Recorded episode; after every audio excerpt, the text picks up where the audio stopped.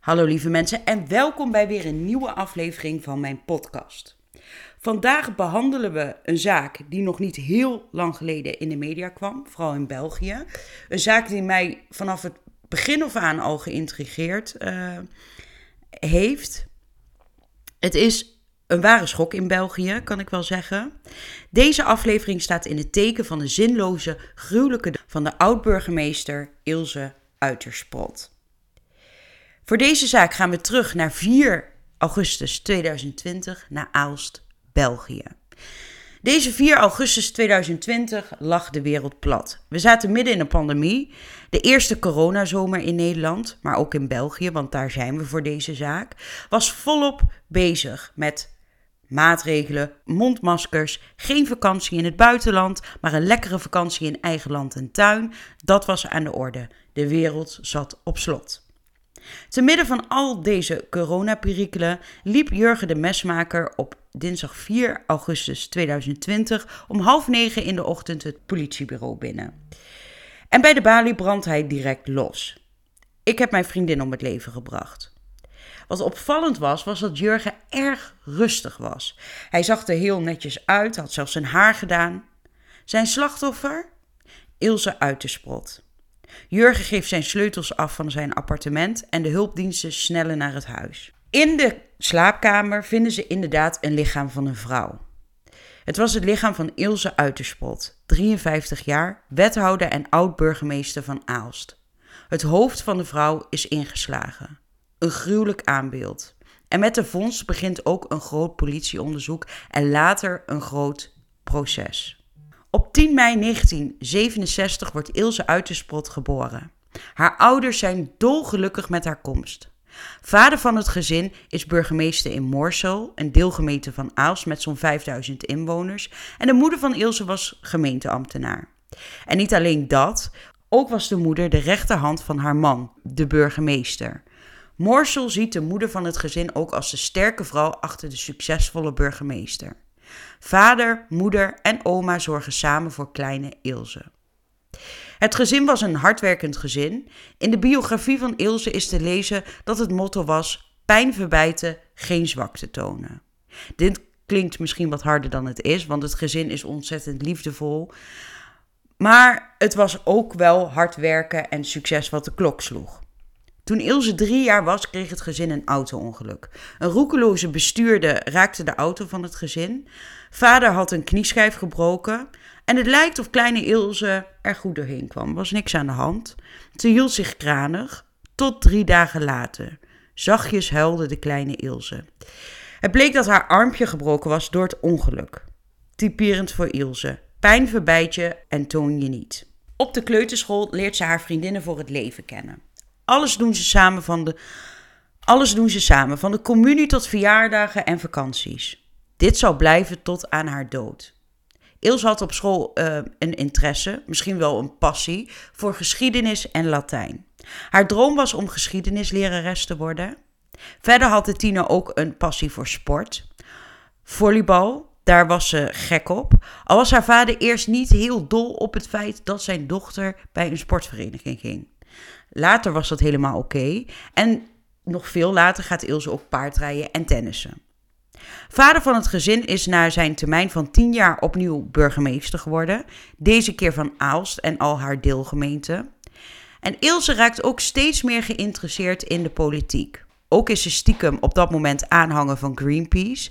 Dit omdat de actiegroep zich sterk maakte tegen milieumisdrijven. Ze kocht zelfs een hippie-sjaal van Greenpeace. Deze verstopte ze natuurlijk wel voor haar vader, want dat was niet helemaal uh, ja, de bedoeling, laat maar zeggen. Qua feesten en uitgaan in haar puberjaren was het een moeilijk verhaal. Het mocht niet van haar vader. En als ze in de zesde op haar middelbare school uh, uitgenodigd wordt voor een vuif, er wordt een vuif georganiseerd en alle klasgenoten gaan, wil Ilse ook graag gaan. Maar hoe kan zij er nou voor zorgen dat zij mag gaan? Altijd kreeg ze van haar vader resoluut nee te horen. Maar nu was Ilse een beetje rebels. Ze maakt zich klaar um, voor het feest en wacht bij het raam op het signaal. En het signaal was luid getoeter. Want klasgenoten durfden niet echt aan te bellen omdat ze bang waren voor de burgemeester. Maar nu hè, het signaal was gekomen, moest ze nog ongemerkt via het thuiskantoor van haar vader weg zien te komen. Ilse raapt al haar moed bij elkaar, rent het huis uit zonder een blik aan haar vader te geven. En haar vader vraagt zich echt af: wat is hier allemaal aan de hand? En uiteindelijk geeft moeder dan toe: ja, ik heb gezegd dat Ilse mocht gaan. En uh, vandaar deze actie. Ilse gaat bijna studeren en haar vader vraagt dan op dat punt: Ilse, wat wil je gaan studeren? En Ilse zegt: Ik wil geschiedenis studeren. Ik wil graag lerares geschiedenis worden. Ja, en dat is natuurlijk niet helemaal wat uh, vader wilde horen. Hij had natuurlijk verwacht dat uh, Ilse ook de politiek ingaat. En hij ziet vaak jonge mensen voorbij komen met een diploma uh, geschiedenis, maar daar is geen werk in. Hij wil graag dat zijn dochter rechten gaat studeren. De dagen die erop volgen komen er dan toevallig vrienden van zijn vader langs. En zij proberen Ilse ervan te overtuigen dat er geen toekomst in zit. En het kostte wat tranen om de droom van Ilse als geschiedenisdocent te laten varen. Maar uiteindelijk wist Ilse wel dat haar vader het beste met haar voor had. En uiteindelijk schrijft ze zich dan in voor een studie rechter. We zijn aangekomen in 1985, 5 november. En dat was een zwarte dag in Aalst. De bende van Nijvel slaat toe in de Deleuze van Aalst. De daders slaan op de vlucht en uh, met bijna een miljoen aan uh, Belgische franken. Acht mensen laten die avond het leven. Het was echt een zwarte dag. En de vader van Ilse was natuurlijk burgemeester van Aalst. En hij werd weggeroepen terwijl hij met zijn gezin bij een jubileumoptreden van de vaandelzwaaiers en dansers wa wa was bij een dorpje. De volgende ochtend kwam hij pas weer thuis en dat maakte wel indruk op Ilse, want ze zag dat haar vader een gebroken man was. Hij leek in één nacht jaren ouder te zijn geworden en constant vroeg de vader en burgemeester van Aal zich af of hij de moordpartij had kunnen voorkomen. Al die dode lichamen die hij had gezien, hij droeg het met zich mee. Een jaar later merkte Ilse op dat haar vader vaak begon te hoesten. Het was geen fijn hoesje.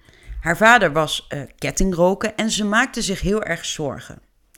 In april 1986 komt dan de uitslag van de röntgenfoto en de diagnose was keihard: longkanker. Maar vader houdt het nieuws voor zich. Alleen zijn vrouw weet hiervan. Hij blijft ondertussen hard werken en in de weekenden krijgt hij chemo. Maar dan kan hij zijn ziekte niet meer verbergen. Door de behandelingen vallen zijn haren uit, maar de behandelingen slaan wel aan. Ilse is opgelucht en krijgt hoop. Maar een klein jaar later, in 1987, gaat haar vader plots weer achteruit. De kanker was weer terug. Maar tegen Ilse waren ze niet helemaal eerlijk. Ze hielden Ilse heel lang nog voor dat er hoop was voor haar vader, maar op 22 maart 1987 kwam er een telefoontje uit het ziekenhuis. Haar vader was flink achteruit gegaan en Ilse moest nu komen maar ze was te laat. Wanneer ze in het ziekenhuis aankomt, is haar vader al overleden. Hij was pas 51 jaar. Een jaar na het overlijden van haar vader vonden de gemeenteverkiezingen plaats. Maar wat nu? Ze vroegen of de moeder van Ilse zich beschikbaar wilde stellen. En dit weigerde ze, ondanks dat ze jaren en jaren de rechterhand van haar man was, de burgemeester. Maar misschien was Ilse wel een goede kandidaat. Ilse denkt er goed over na ze krijgt de onvoorwaardelijke steun van haar moeder en haar toenmalige vriendje Bart.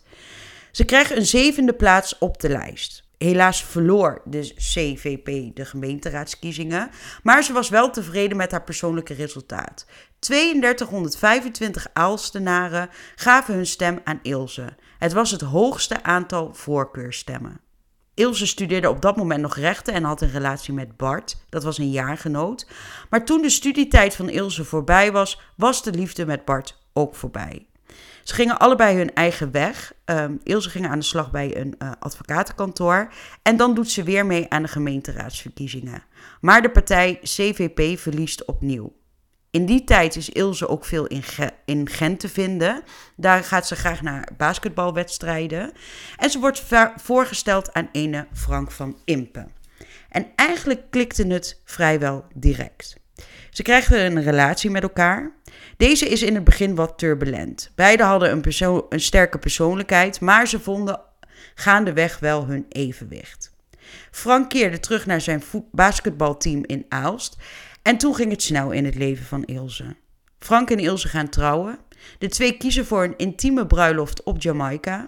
Het was, een, het was een hele klus om alle getuigen en familie op de plaats van bestemming te krijgen, maar het lukt en op 10 juli 1996 trouwen Frank en Ilse in het warme Jamaica. In datzelfde jaar is Ilse in verwachting. In december wordt dan hun eerste zoon geboren en twee jaar later in 1998 een tweede zoon. Maar Ilse kan maar kort genieten van haar kinderen, want in 1999 wordt er van Ilse verwacht dat ze zich klaarstoomt voor de Vlaamse verkiezingen. Dat viel Ilse zwaar, want eigenlijk wilde Ilse gewoon voltijd, voltijd moeder zijn. Gelukkig liep dit met de sisser af, werd Ilse niet verkozen in het parlement. Maar ondanks dat Ilse niet verkozen werd voor het parlement, had ze het wel razend druk. Ze was inmiddels gemeenteraadslid, provincieraadslid, vrouw van een topsporter en mama. Ze nam toen een radicale beslissing. Ze koos voor haar kinderen. Ze ziet af van een deelname aan de gemeenteraadskiezingen in 2000, maar de rust was maar van korte duur. In 2005 speelt haar man van Impe zijn laatste wedstrijd. En dat viel hem dan weer zwaar en hij verloor de balans in zijn huwelijk. Hij vreest ook voor zijn huwelijk. En hij had gelijk. In datzelfde jaar, in 2005, strandde het huwelijk van Ilse en Frank. En Ilse had het daar moeilijk mee. Het gestrande huwelijk beschouwde zij als falen. Het grootste doel op dat moment was om alles voor haar twee zonen te doen. Ze mochten niets tekort komen. Zoals ik al zei, vindt Ilse het falen dat zij niet in staat was om een huwelijk te volbrengen. Enige troost die Ilse wel had, was dat Frank van Impe, de vader van haar kinderen, alle verantwoordelijkheid nam in de opvoeding van hun kinderen. Dus hij, hij deed er alles voor om samen met Ilse hun kinderen goed groot te brengen. In de tijd die daarop volgde, kreeg Ilse een telefoontje van de lokale partij CD&V. De voorzitter wil graag dat Ilse langskomt.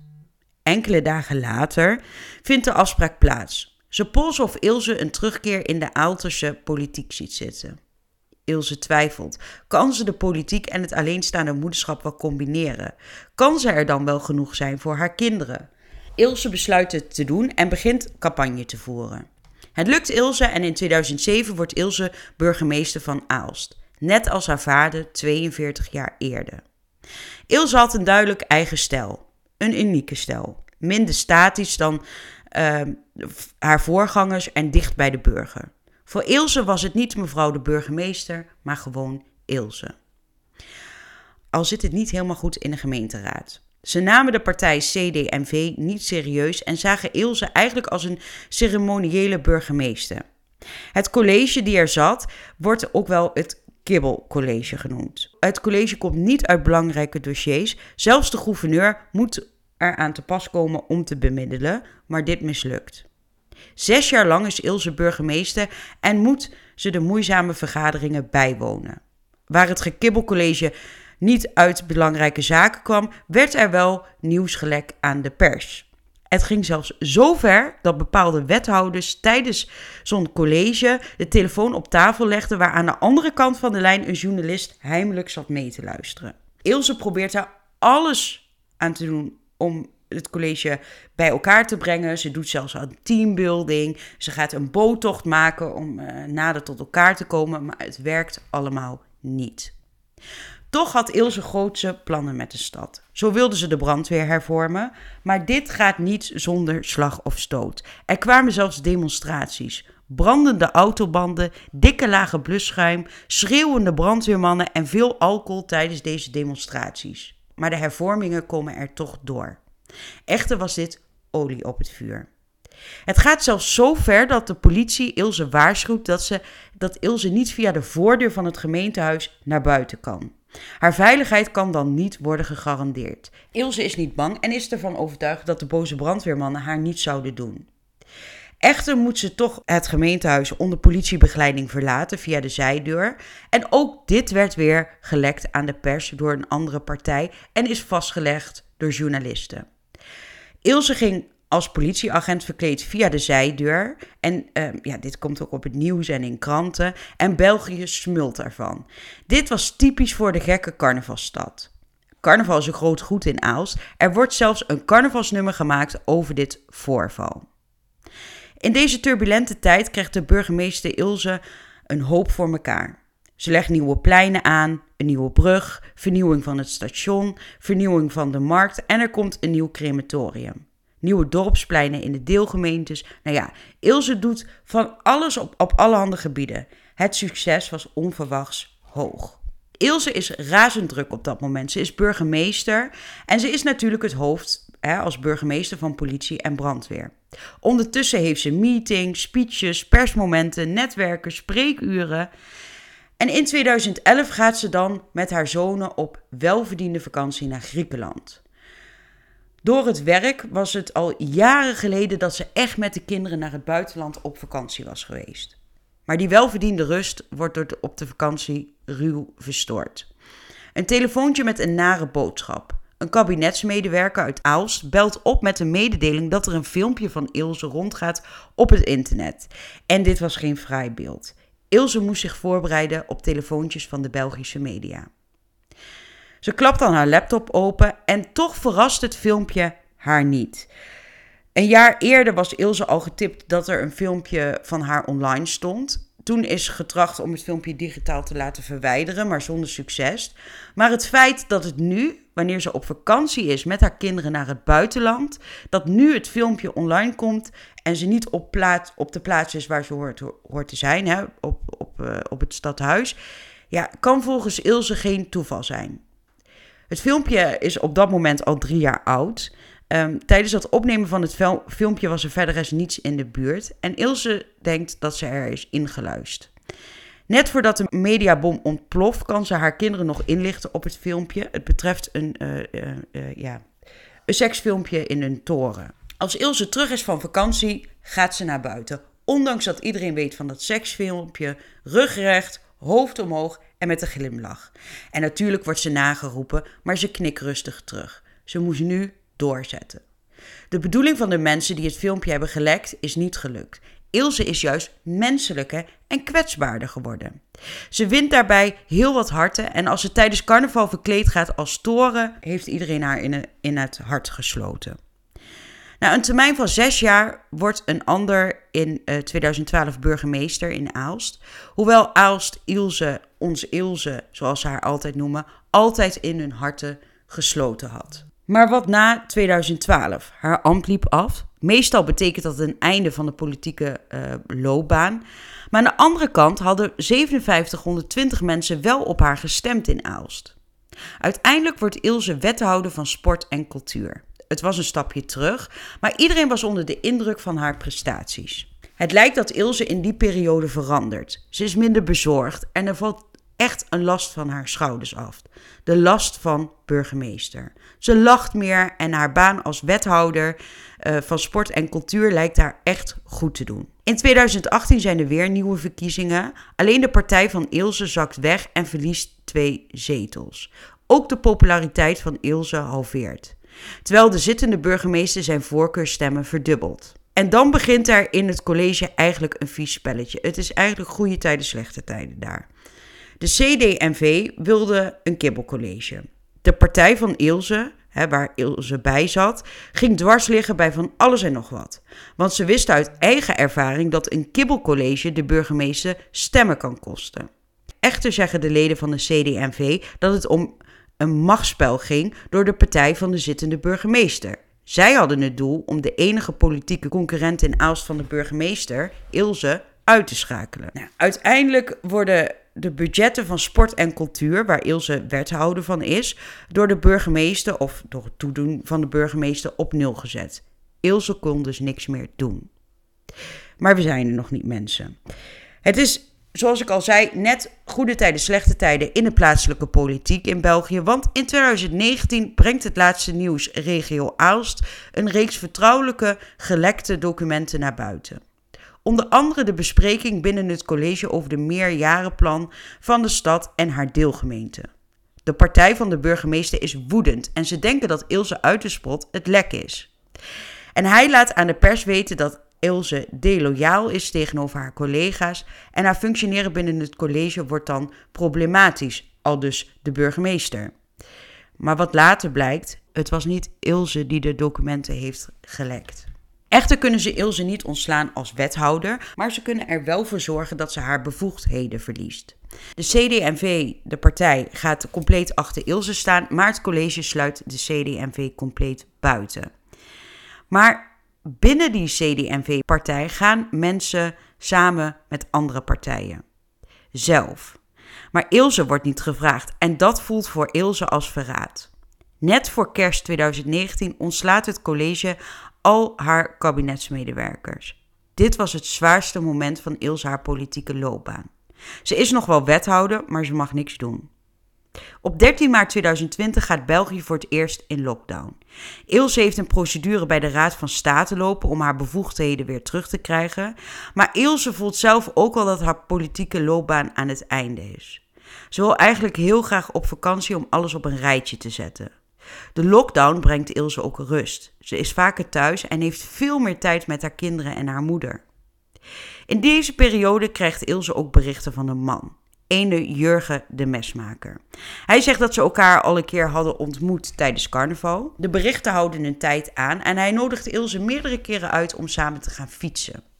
In de eerste instantie houdt Ilse dat een beetje af, maar dan geeft ze toch toe. Het was voor haar een verademing na een rotperiode die achter haar lag. De twee hadden het leuk samen en Ilse staat zelfs weer open voor liefde. Op werkgebied is alles onzeker. Ilse overweegt een, een carrière switch. Misschien wil ze wel het onderwijs in of dus in de zorgsector. Maar privé had Ilse fijne weken. In de zomervakantie versoepelen de maatregelen iets en gaat ze met vrienden naar zee. Wandelen, praten, zonnen. Ilse gaat op pad met vriendinnen en het sociale leven van Ilse en van iedereen trouwens komt weer op gang. Echter heeft Jurgen het hier moeilijk mee. Hij wilde Ilse voor zichzelf. Maar Ilse ging hier niet in mee. Ze was nou eenmaal een sociaal persoon en als hij dat niet kon accepteren, dan niet. Want Ilse liet zich niet isoleren. Het was een sterke vrouw. In juli 2020 gaat Ilse alleen naar een natuurgebied in Limburg. Even bijkomen en genieten van de rust en stilte. Dan gaat ze mediteren en ze komt helemaal tot zichzelf. Eigenlijk krijgt ze daar ook weer vertrouwen terug om verder te gaan met haar politieke loopbaan. Ze belegt een vergadering met enkele politieke metgezellen. Verder plant ze ook nog een lang weekend weg met haar vriendinnen. Begin augustus gaat Ilse voor een nacht naar het appartement naar Aalst, om daar bij Jurgen te overnachten. Maar die nacht wordt ze vermoord door haar vriend Jurgen. Totaal onverwacht. Ze keert nooit meer terug. Er komt een einde aan het leven van de sterke, goedlachse Ilse. Maar wie is deze Jurgen? Als kind kwam Jurgen niets tekort. Hij werd met duidelijke dingen grootgebracht. Als dingen, als je aan uh, dingen begint, maak je het af. Als je geld verdient, zet je een deel op je spaarrekening, dat soort dingen. Maar als kind mocht hij wel van alles. Hij deed aan schaatsen, ging naar de scouting, mocht met vriendjes en allerhande, allerhande leuke dingen doen. En als kind was Jurgen eigenlijk een lieve jongen. Maar dit liep anders na zijn legerdienst. Toen begon het leven van Jurgen mis te lopen. Hij maakte geen opleiding af, hij spaarde niet, Rond het jaar 2000 was Jurgen de mesmaker getrouwd. In dat huwelijk werd een zoon geboren. Echter liep dit huwelijk stuk omdat er geweld in het huwelijk plaatsvond. De vrouw waarmee hij getrouwd was, had een hoop meegemaakt. Ze is veelvuldig door Jurgen in elkaar geslagen en met zijn zoon heeft hij geen contact meer. Jurgen vertrok en verwekte een tweede kind bij een andere vrouw, maar hij heeft dit kind nooit erkend. Samen met die vrouw had hij ook een, een advertentiebureau en die relatie verliep niet vlekkeloos. Op een dag stormde hij bij die vrouw naar binnen, sloeg haar op de grond, bonkte haar met haar hoofd tegen de vloer, terwijl het kind buiten in de auto zat. En dit is nog maar het topje van het ijsberg wat betreft de gewelddadige incidenten rondom Jurgen. Want toen de vrouw van Jurgen van hem afging en alimentatie vroeg voor hun kind, stak hij haar banden leeg, brak haar spiegels van haar auto af en al het geld moest naar Jurgen gaan. De vrouwen waar hij mee was, moesten daar aan meewerken. Hij zag zijn vrouwen als bezit. Hij sloeg zijn vriendinnen omdat het eten niet goed was, soms omdat hij onder invloed van drugs was en veel vaker sloeg hij zonder reden. Ook al zijn die twee redenen hiervoor ook geen reden. Jurgen had een vast patroon. Na de klappen die Jurgen uitdeelde, moest er altijd gepraat worden om het goed te maken. Dat zorgde er weer voor dat hij een tijdje lief was en gooide al zijn woede en uitbarsting op zijn slechte jeugd. Zijn vader had nooit naar hem omgekeken, zijn moeder die daardoor zo gefrustreerd was dat ze hem geen liefde gaf. Wat ook een raar detail was, was dat enkele van zijn exen een soort afkeer van poetsen kregen. Jurgen was bijna autistisch in de bepaalde dingen. Zo veegde hij elke fles aan de onderkant af, alvorens zij deze terugzette in de koelkast. En met douchen ook. Als Jurgen ging douchen, poetste hij naar de hand elke tegel van de badkamer tot hij weer helemaal bezweet was. Het was een, visieuze cirkel. De relatie met zijn moeder is nooit goed geweest. Hij vertelde allerhande verhalen over zijn moeder en zijn jeugd tegenover ehm, zijn vriendinnen. Zo had zijn moeder hem eens meegenomen naar het klooster, want hij had een duivel in zich en die moest uitgedreven worden. Jurgen had echt een haat voor zijn moeder. Ook vertelde hij dat hij als kind misbruikt zou zijn geweest. Of dat echt zo is, weten we niet. Want aan de andere kant was Jurgen ook een meestermanipulator en heel onvoorspelbaar. Zijn exen verklaren dat ze nooit wisten of hij je zou zoenen of zou slaan. Het was erg eng. Die vrouwen hebben echt in een complete mindfuck geleefd. Maar soms, nou ja, vaak kon Jurgen zijn vriendinnen niet houden. Zijn praatjes na een mishandeling werkten op een bepaald moment niet meer en dan begon hij ze te stalken en te bedreigen. De vrouw waar Jurgen zijn tweede kind mee had, had de moed om naar de politie te stappen. Ze diende een klacht in tegen haar ex. Gelukkig stopte toen het geweld en het stalken wel, en daarom heeft ze de klacht niet doorgezet. Ze was allang blij met de rust. Uiteindelijk kreeg Jurgen een nieuwe relatie met weer een blonde vrouw, want dat was wat hij altijd wilde, een blonde vrouw. En na acht jaar strandde ook die relatie. En nogal heftig, want na de zoveelste geweldsexplosie probeerde hij deze vrouw te wurgen. Hij wordt dan tot zes maanden voorwaardelijk veroordeeld. Wat sterk en mooi is, is dat alle exen van Jurgen elkaar kenden. Soms waarschuwden ze dan ook de nieuwste prooi van Jurgen. Want zo kun je het zien, zijn prooi. Maar ze wisten niet dat Ilse Uitersprot zijn nieuwe liefde was. Anders hadden ze haar ook wel gewaarschuwd. Jurgen werkte in van alles. Hij was een geweldige verkoper. Hij had een eigen reclamebedrijf en zat in het vastgoed. Daar boerde hij goed, want hij reed in dure auto's. En van de buitenwereld leek Jurgen de mesmaker een self-made man. Maar eigenlijk was dat niet zo, want stevast deed hij zichzelf rijker voor dan dat hij in de werkelijkheid, in de werkelijkheid was. De inkomsten vielen echt tegen. Een groot reclamebedrijf had zijn contracten opgezegd. De reden? Ja, de ware aard van Jurgen. Want binnen dat bedrijf zou hij ook enkele mensen hebben bedreigd. Echter zegt Jurgen dat de zaken minder liepen door coronaperiode. Een legitieme smoes in die tijd. In de kroegen waar hij kwam was hij in het begin geliefd. Maar richting de moord was hij daar ook berucht. Ook daar, ook door zijn eigen gedrag. Het ene moment was hij ontzettend gezellig en het volgende moment sloeg hij erop los. Hij was voor niemand bang en hij keek je aan alsof hij door je heen liep. Door zijn levensstijl, zijn gedrag, had Jurgen geen vrienden meer. De enige mensen waar hij mee omging waren dealers en mensen waar hij mee dronk. Af en toe bezocht hij een prostituee. Het ging echt bergaf, net voordat hij Ilse leerde kennen. Zoals ik al eerder vertelde, begon het contact tussen Jurgen en Ilse via Facebook, uh, via berichtjes. Na aandringen ging de twee op date en er ontstond zelfs een liefdesrelatie. In mei 2020 vertelde Ilse voor het eerst over haar nieuwe liefde tegen haar vriendinnen. Ze straalde helemaal en vertelde hoe lief Jurgen was, hoe attent en innemend hij was. De twee waren ontzettend verliefd. En zoals wij nu weten, is de eerste periode van zo'n relatie Jurgen ook lief. Op een bepaald moment zou Jurgen last hebben gekregen van een depressie. Al twijfelden haar vriendinnen wel aan deze depressie. Want zij vroegen letterlijk aan Ilse: Weet je zeker dat dit een depressie is of dat dit de ware aard van Jurgen is? En de vriendinnen merkten in deze tijd, enkele maanden voor de moord, wat in principe hebben Jurgen en Ilse van mei 2020 tot haar dood augustus 2020 iets met elkaar gehad. Heel kort eigenlijk. Maar in die tijd um, toen de leuke weken voorbij waren en de zogenaamde depressie van Jurgen om de hoek kwam kijken, merkten de vriendinnen wel wat verandering bij Ilse. Wij weten ook door haar levensverhaal dat Ilse een sterke vrouw is. Hard werkt, weet wat ze wil en daarvoor gaat.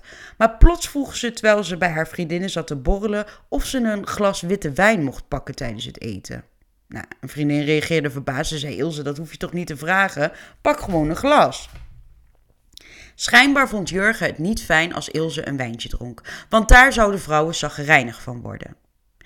Zo was er ook nog een ander incident. Op een avond gingen ze een spelletje doen. Jurgen was hier ook bij, maar hij kon niet samen met Ilse in een team spelen.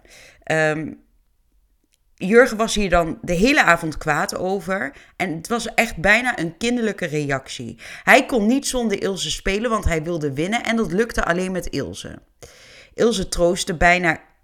Ilse troostte Jurgen bijna kinderlijk. En haar vriendin had tegen Ilse gezegd dat ze het gedrag van Jurgen echt niet oké vond. En dat hij geen kind was en dat, hij, dat Ilse hem ook niet zo moest behandelen. Niet alleen bij haar vrienden slopen de twijfels erin, maar ook bij Ilse zelf. Ze wist niet zo goed wat ze met de relatie met Jurgen aan moest. Ze ging voor advies naar haar vriendinnen wat ze moest doen. En het advies van haar vriendinnen was duidelijk: stop ermee. Maar we weten allemaal dat dit makkelijker gezegd dan gedaan is. En de vriendin zei ook dat het misschien beter. Uh, dat Ilse het misschien beter uit kon maken per telefoon. Want ze voelde ook wel aan dat Jurgen erg grillig was. Maar Ilse wilde dat, daar niks van weten. Ze wilde het face-to-face -face vertellen. Want ze zei: Weet je, als, ik, als iemand met mij een relatie beëindigt, wil ik het liever ook face-to-face en niet via de telefoon. Op 3 augustus 2020 zou ze voor de laatste keer naar Jurgen gaan om de relatie te verbreken. Het volgende wat we feitelijk weten is dat op 4 augustus 2020 om half negen s morgens Jurgen bij de politie zichzelf kwam aangeven. En hij legt eigenlijk onmiddellijk volledige bekentenissen af. Hij vertelt dan ook spontaan hoe de laatste avond uh, volgens hem, volgens zijn verklaringen verlopen is. Ilse zou zijn blijven doordrammen over zijn mentale toestand, uh, want ze wilde dat de, hè, want deze wilde niet beter worden en zij wilde dat het beter ging met, met, met Jurgen. En ze drong aan op het innemen van zijn medicatie. Ilse zei dat ze snel beterschap wilde zien, anders zou het nog wel even duren voordat ze officieel als koppel in de openbaarheid zouden trainen. Nogmaals, dit, zijn, dit is Jurgens versie over de feiten. Die laatste avond zijn ze rond 11 uur uh, s'avonds naar bed gegaan. En wanneer Jurgen de volgende dag uh, wakker werd, besloot hij zonder aanleiding om een hamer te pakken uit de berging. En daarmee slaat hij Ilse op haar hoofd. Zeker vijf à zes keer. De reden zou zijn dat Jurgen bang zou zijn dat Ilse die ochtend weer over zijn mentale situatie zou beginnen. Als hij als Jurgen Ilse om het leven heeft gebracht, gaat hij naar de badkamer, legt hij het moordwapen, de hamer, in bad. Hij spoelt zijn gezicht onder de kraan, poetst zijn tanden, doet gel in zijn haar. En ondertussen ligt Ilse zwaar toegetakeld, dood onder het bloed op zijn bed. Vervolgens gaat hij naar de politie om zichzelf aan te geven. Amper twee uur na de moord was het ook al bekend in de media. En dat zorgt direct voor een schokgolf natuurlijk. De burgemeester komt naar het plaatsdelict en vele camera's stellen zich op voor het appartement van Jurgen, het plaatsdelict. De vraag in België, en zeker bij de nabestaanden van Ilse, is: waarom? Waarom heeft hij Ilse zo bruut om het leven gebracht? Ondertussen legt Jurgen verschillende verklaringen af met verschillende verhalen. Zelf zegt hij dat hij het uiveringwekkend vindt wat hij gedaan heeft, want hij was immers stapel gek op Ilse. Maar het wijst er sterk op dat Ilse te sterk voor hem was. Jurgen heeft altijd in zijn relaties tot vrouwen uh, zelf de touwtjes in handen gehad. Hij bepaalde. De vrouwen waren zijn bezit. Bij Ilse was dat anders in de relatie. Zij had de touwtjes in handen en dat was Jurgen niet gewend. Ilse vond Jurgen te obsessief. Um, hij, ze vond hem ook echt wel een blok aan haar uh, been. Maar tegelijkertijd eh, ook een grote zorgen in haar leven. Want de depressie van Jurgen baarde haar ook wel veel zorgen. Ze wilde Jurgen helpen met alle goede bedoelingen. Maar uiteindelijk kostte de relatie met Jurgen haar ontzettend veel energie. Negatieve energie. En dat laatste is natuurlijk nooit de bedoeling van een relatie. Ilse zou met meerdere mensen hebben gesproken over de beëindiging eh, van de relatie met Jurgen. Voor de mensen rondom Ilse is het duidelijk. Jurgen heeft Ilse vermoord omdat zij een einde wilde maken aan hun relatie. En dan is het na twee jaar eindelijk tijd voor de rechtszaak. Het is dan juni 2023, eigenlijk pas nog maar. Voor de vaste luisteraars weten hoe in België een rechtszaak eraan toe gaat. Dat hoef ik niet meer uit te leggen. Maar het belooft wel intens, emotioneel en een heftig proces te worden. Een proces die veel media-aandacht krijgt. Op de eerste dag van het proces horen ze Jurgen de mesmaker en het is best opvallend. De eerste woorden van Jurgen waren: Goedemorgen iedereen. Ik ben Jurgen de Mesmaker, 52 jaar, geboren in, geboren in Nienhoven op 15 kilometer van Aalst. Ik ben veel te jong gehuwd, een impulsieve beslissing. Ik hield er altijd een losbandige levensstijl op na en dat breekt mij nu zuur op, tot in de gevangenispoort. Jammer genoeg. Zo stelde hij zich dus voor op de eerste dag van het proces. Hij kwam goed verzorgd over, bijna als glad, en hij uh, voelde zich totaal op zijn gemak. Verder is hij zeer welbespraakt. Hij was ook goed voorbereid op zijn vier uur durende ondervraging. En hij zegt onder andere: Drie jaar detentie heeft mij wakker geschud. Ik leefde constant in een roes van drank en drugs. De rode draad door mijn leven. Zo kon het niet verder. Het moest stoppen. Volgens Jurgen was hij constant op zoek naar aandacht en erkenning. En de voorzitter vraagt dan aan Jurgen of hij misschien seksverslaafd is. Jurgen geeft wel aan dat hij extreem verslavingsgevoelig is. Zo is hij verslaafd aan wiet, kook en koffie. En ongetwijfeld zal dit ook wel zo zijn met seks. Nou, dan verklaart hij hoe hij Ilse heeft leren kennen. Uh, in 2016 in een carnavalskostuum en ze maakte toen een selfie. En toen corona net uitbrak, die tijd, kreeg hij een herinnering op Facebook van die selfie, zoals Jurgen zegt. En hij zegt verder ook: Facebook is de beste dating site. Verder verklaart hij dat hij uh, veel seksuele contacten had, maar uh, steeds heeft hij het over ja, seksbuddies. Maar volgens hem was Ilse anders. Hij had nog nooit zo lang moeten wachten alvorens hij met iemand in bed belandde. De twee gingen veel wandelen en fietsen en Ilse vertelde Jurgen dat ze heel vaak gekwetst en bedrogen was in haar leven. Maar Jurgen heeft in die korte tijd Ilse zelf ook bedrogen. Twee keer zelfs. Verder hield hij zijn vrienden ook op de hoogte van zijn dates. En die updates liegen er niet om zijn grofheid en gebrek aan respect. Hij stuurt ondertussen over Ilse naar zijn vrienden. Ze begint hitsiger te worden en misschien moet ik haar gewoon eens in het bos pakken. Kort voor haar dood schreef Ilse een lijstje met de voor's en tegens wat betreft haar relatie met Jurgen. We weten dat ze heel erg twijfelt aan de toekomst. Uh, op dat lijstje stond onder andere mood swings, ADHD, verleden, playboy, jaloers en veel eisend. Jurgen vertelt verder in zijn verhoor dat het weekend voor de feiten eh, dat ze het heel veel ruzie hebben gehad. Zo was er dat voorval met die spelletjesavond waar ik eerder over had verteld. En verder verklaart Jurgen dat Ilse tegen hem zou hebben gezegd dat hij geen vent was, dat hij niet op eigen benen kon staan. En Jurgen verklaarde uh, dat hij een blok aan haar been was. Die laatste avond zou Ilse zich anders hebben gedragen volgens Jurgen. Ze kwam nors binnen, maar die avond eindigde intiem. Een beloning noemde hij dat. Als hij braaf was, kreeg hij seks. Maar voor Jurgen voelde het als een afscheid. Die ochtend, om kwart over acht, ging zijn wekker. Ilse zette de wekker nog uit, slaakte een diepe zucht en viel weer in slaap. En die zucht zou Jurgen hebben getriggerd.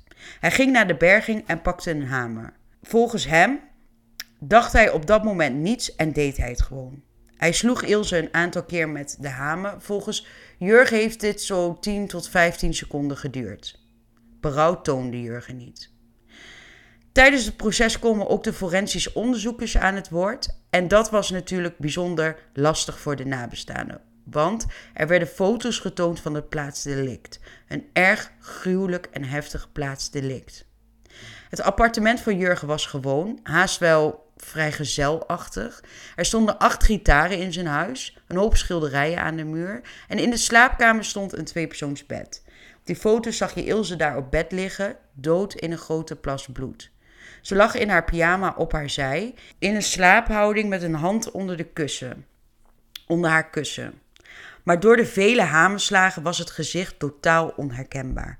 Er, er was overal bloed en hersenweefsel, tot aan de schilderijen aan de muur en op het plafond aan toe. Er werd ook een video getoond van de reconstructie. Jurgen moest exact nadoen hoe hij Ilse om het leven heeft gebracht. Het was een video van vier minuten. Vier vreselijke minuten. Daarop is te zien hoe hij uh, bij haar lag. Het slachtoffer was op dat moment een pop. Ze lagen lepeltje, lepeltje in bed. En de wekker ging. Hij stapte uit bed, liep naar de berging, pakte een hamer, sloeg op die pop. Zes keer. Vervolgens gaat hij naar de badkamer, legt de hamer in bad, wast zijn gezicht, poetst zijn tanden, doet zijn haar, drinkt nog even een glaasje water en loopt het appartement uit. Als je kijkt naar die video, zie je dat Jurgen, als je kijkt, als je kijkt naar die reconstructievideo, zie je eigenlijk dat het Jurgen maar weinig doet. Hij lijkt vrij emotieloos, terwijl je zou denken dat het heel confronterend is. Je moet letterlijk iets overdoen waar hij, zoals hij zegt, iets afschuwelijks doet. Wat ook te zien is, zijn de camerabeelden van het politiebureau op het moment dat hij zichzelf kwam aangeven. Hij was heel kalm, had zijn handen in zijn broekzak, rustend wachtend op de baliemedewerker. Ondertussen keek hij een beetje rond en het leek alsof hij voor hem een klein iets was wat hij daar kwam doen. Een verloren paspoort of een gestolen fiets aangeven. Maar in werkelijkheid had hij net zijn vriendin gruwelijk om het leven gebracht. Uit onderzoek van de politie blijkt dat, dat in een kortstondige relatie van drie maanden Jurgen er meerdere vrouwen op nahield. Hij legde seksuele contacten met mannen en vrouwen, terwijl hij een relatie had met Ilse. Een van hem was zijn seksbuddy. Onder meer is er in berichten te lezen naar deze buddy. En ik ga dat even voorlezen. Als je het graag eens wil overdoen, moet het overdag. Het politiek jaar is voorbij en Ilse heeft verlof. S'avonds kan ik niet meer weg. Maar in de korte tijd van hun relatie was het ook geen roosgeur en maneschijn. Want hij sms'te Ilse na anderhalve maand al... Ik ga je blokkeren, dan ben je van alle ellende af, madame. Maar na een paar weken veranderde Jurgen. Hij werd depressief en bleef in bed liggen. Hij miste Ilse. En Ilse, ze bleef enkel alleen maar lief voor hem. Eindeloos geduld leek ze met hem te hebben. Uit berichten blijkt ook hoe ze haar best doet om de juiste hulp voor hem te zoeken. Maar Jurgen wilde daar niets van weten. Maar hoewel hij depressief was, had hij wel de energie om grove berichten naar andere vrouwen te sturen. Onder andere kom ik jou neuken, zin om jou diep te rammen. Maar aan het einde van de kortstondige relatie wilde Ilse eigenlijk alleen maar rust. Ze berichtte hem: Laat me even ademen. Een paar uur rust AUB. Drie dagen na deze berichtjes was ze dood. Tijdens het proces komt er dan ook een, gerechtspsychiater en uh, psychologe aan het woord. En zij schetsen een beeld van Jurgen. Jurgen was, een, uh, was narcistisch en theatraal. Dat theatrale vertaalt zich in het feit dat Jurgen heel charmant uh, kon overkomen. Hij heeft een hoog zelfbeeld van zichzelf en dat maakt hem ook heel erg krenkingsgevoelig. Hij kan bijvoorbeeld niet goed omgaan met relatiebreuken over het feit dat Jurgen zogenaamd depressief was, zeiden de deskundigen dat hij vooral met zichzelf bezig was. Hij kon wel al die berichtjes naar Ilse sturen, maar aan de andere kant was hij ook bezig met zijn seksuele honger. Hij was onverzadigbaar. Depressief, dat valt allemaal nog wel mee. De deskundigen durven het zelfs aan om te zeggen dat Jurgen kenmerken heeft van een psychopaat. Dat wil niet zeggen dat hij dit is, maar hij heeft er wel uh, kenmerken van weg. Het feit dat Ilse hem aansprak over zijn gedrag kon Jurgen niet verkroppen. Elke afbreuk aan zijn zelfbeeld heeft frustratie opgewekt. Jurgen heeft een EQ tussen de 115 en 120. Hij is begaafd tot zeer begaafd. De kans op herhaling wordt matig ingeschat. Maar in een relationele context, bij bijvoorbeeld een afwijzing, wordt de kans op herhaling wel groter.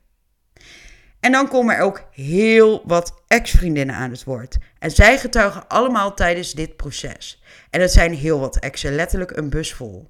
Een van zijn exen, A, ze is ondernemer, um, zij nam het woord en ze was best wel angstig. Ze wilde Jurgen ook absoluut niet aankijken. Het was een getekende vrouw. Negen jaar heeft zij een relatie gehad met Jurgen.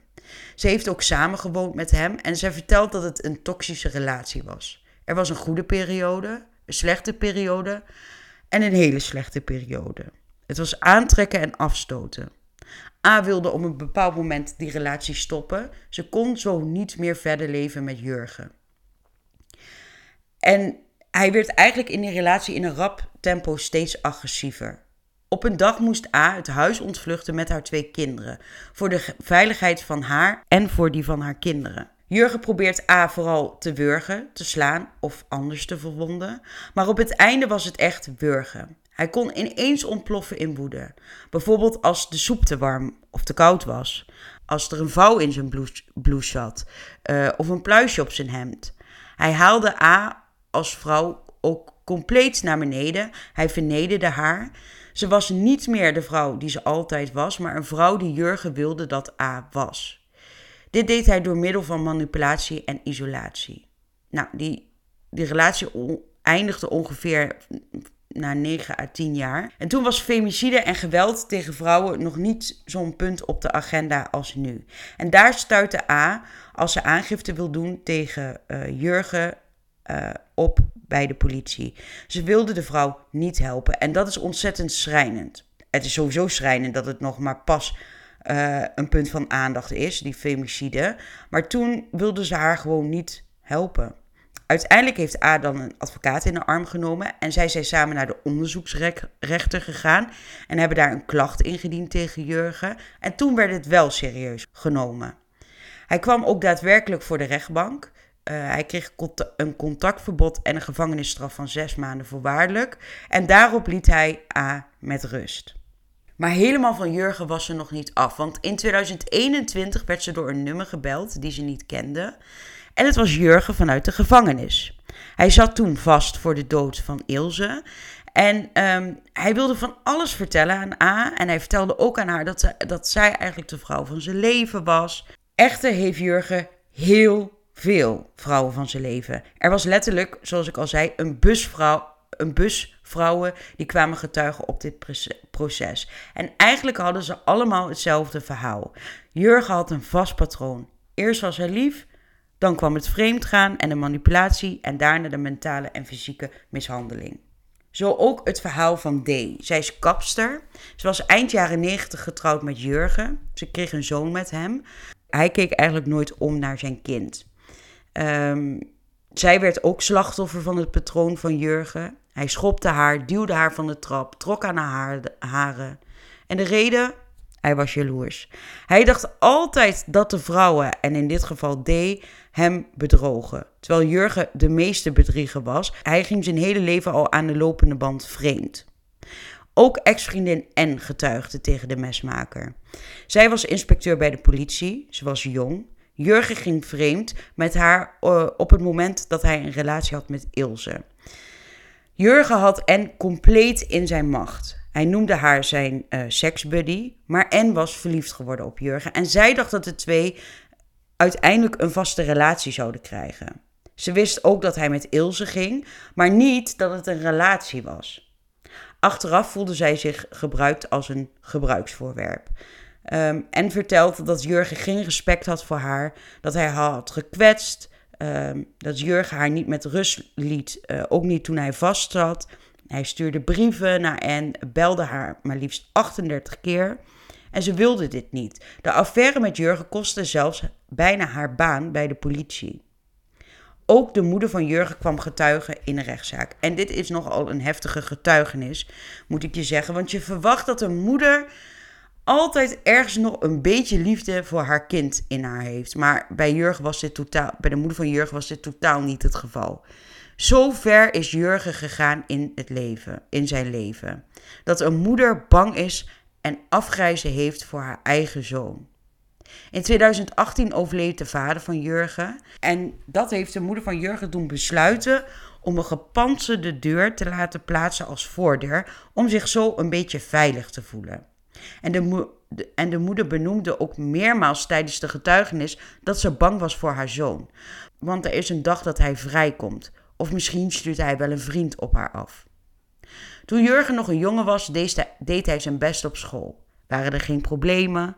Later ging hij naar de politieschool, maar dit trok hij niet. Dat was te zwaar voor hem. En zijn vader zei toen: Misschien moet je het leger ingaan. Dat deed hij.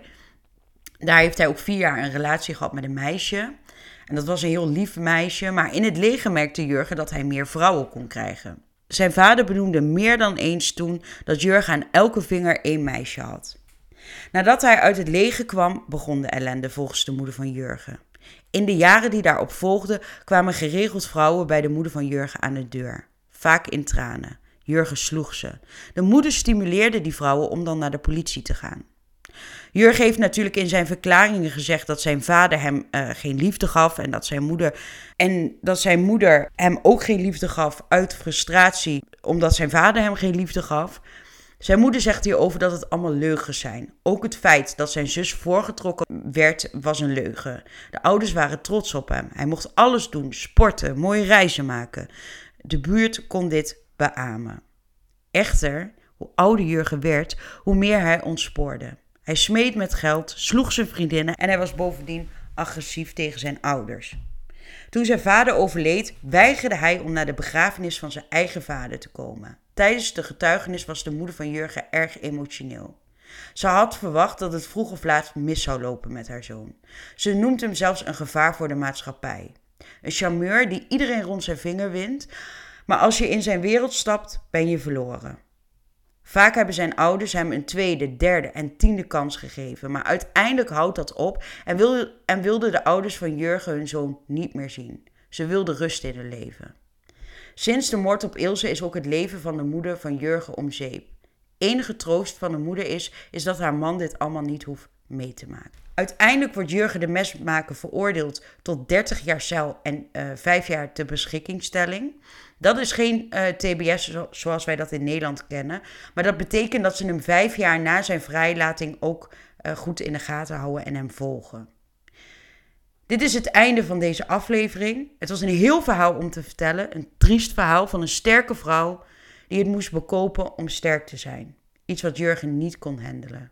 Voor extra beeldmateriaal kijk op mijn Instagram, Moord in de Lage Landen. Bedankt voor het luisteren en tot volgende week, lieve mensen.